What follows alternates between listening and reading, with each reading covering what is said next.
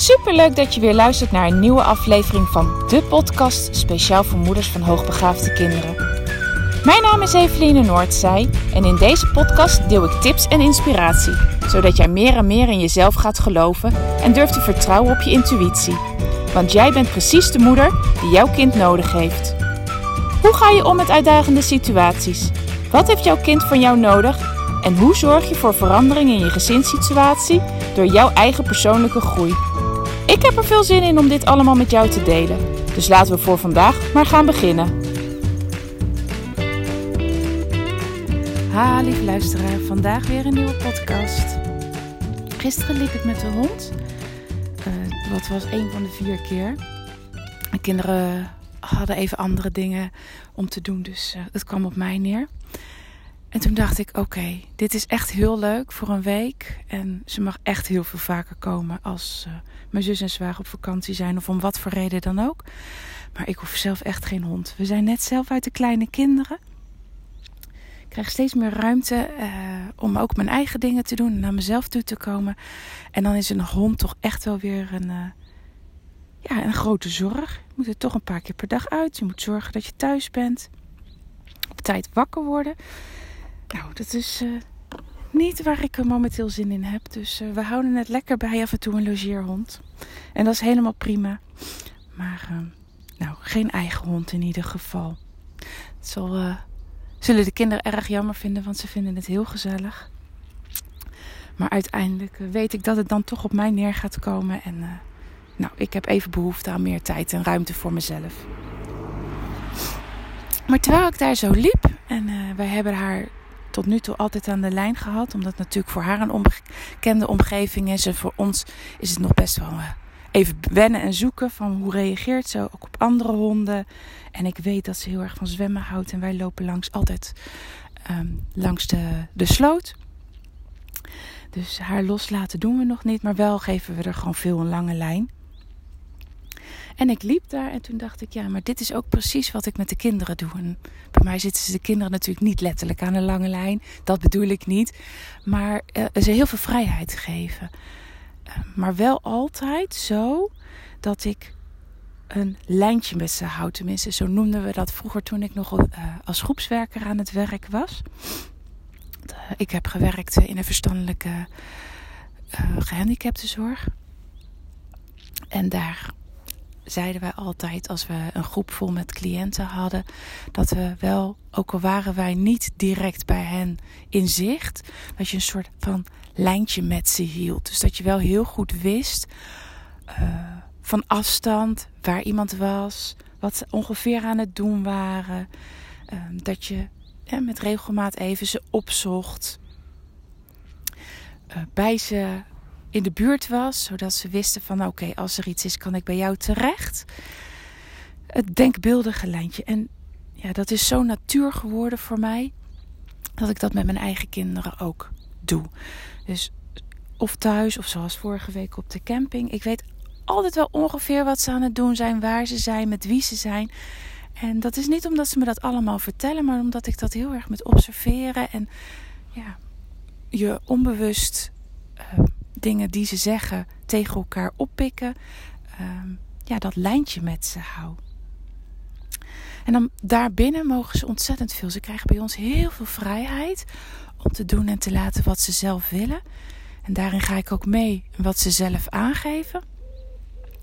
Zo gaat onze oudste bijvoorbeeld alleen bij ons, bij ons vandaan met de bus naar Breda om daar alleen te gaan winkelen hebben de oudste twee eigenlijk al een aantal jaar kleedgeld. Om zelf te bepalen wat ze kopen, wanneer ze kopen en wat ze vinden dat ze nodig hebben. Dus ze krijgen heel veel ruimte, maar ik weet wel eigenlijk altijd waar ze mee bezig zijn en wat ze aan het doen zijn. Door dat onbewuste lijntje wat ik met ze heb. En dat ik dat heb, dat, maar ja, daar was ik me gisteren opeens heel erg bewust van. En het, nou begrijp ik ook beter waarom het me heel vaak verbaast als ik dan tegen mijn man zeg: Goh, waar zijn de kinderen? Wat zijn ze aan het doen? Waar zijn ze mee bezig? Dat hij zegt: Oh ja, dat weet ik eigenlijk niet precies. Terwijl ik denk: Hoezo weet je dat niet precies? Ik weet dat wel altijd precies. Maar dat is dus iets wat ik geleerd heb, met name in het groepswerk. En ehm, ja, wat ik nu dus nog automatisch met ze heb. Maar dat maakt, dat lijntje dat ik met ze heb, maakt ook dat op het moment dat ze iets aan het doen zijn wat ik liever niet wil, of ehm, als het even niet goed met ze gaat, ik ook heel snel weer uh, ja, op ze kan reageren. En wat je met een hond doet door de lijn korter te maken en weer even naar je toe te trekken, ehm, doe ik dan op een andere manier, maar door ze op te zoeken uh, en het ook aan te geven van hé, hey, dit is wat ik merk, dit is wat ik hoor. Ik denk dat dit en dit aan de hand is, klopt dat? Um, of door eigenlijk gelijk te zeggen van goh, wat er nu gebeurt, omdat dan uh, ik gewoon gelijk heb, intuïtief gelijk heb dat er iets gebeurt wat niet helemaal in de haak is. Uh, dan ook naar ze benoem van goh, wat er nu gebeurt vind ik niet oké. Ik wil dat het stopt. Of dus ik, ik kan daarmee heel goed reageren en daardoor loopt het niet uit de hand. Tenminste, soms wel. hey, laten we eerlijk zijn. Bij mij is niet altijd koek en ei. En dat laat ik ook heel vaak weten in mijn podcasts. Uh, het is niet alleen maar super bij mij. Zo moet je dat ook zeker niet, uh, niet oppakken. Het is zeker zo dat bij mij...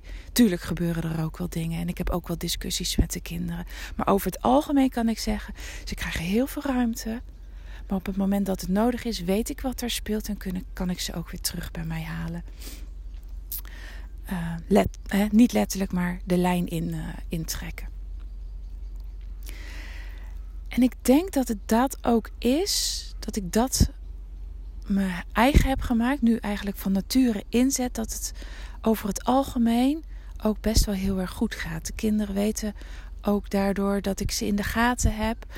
Um, ze ervaren ook die mega vrijheid, maar ze weten ook dat ze. Uh, ja, dat ik, dat ik terug bij ze kom op het moment dat ik merk dat het niet oké gaat.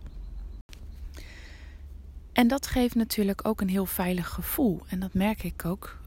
Hoe ze naar mij doen en hoe open ze zijn. Ze vertrouwen.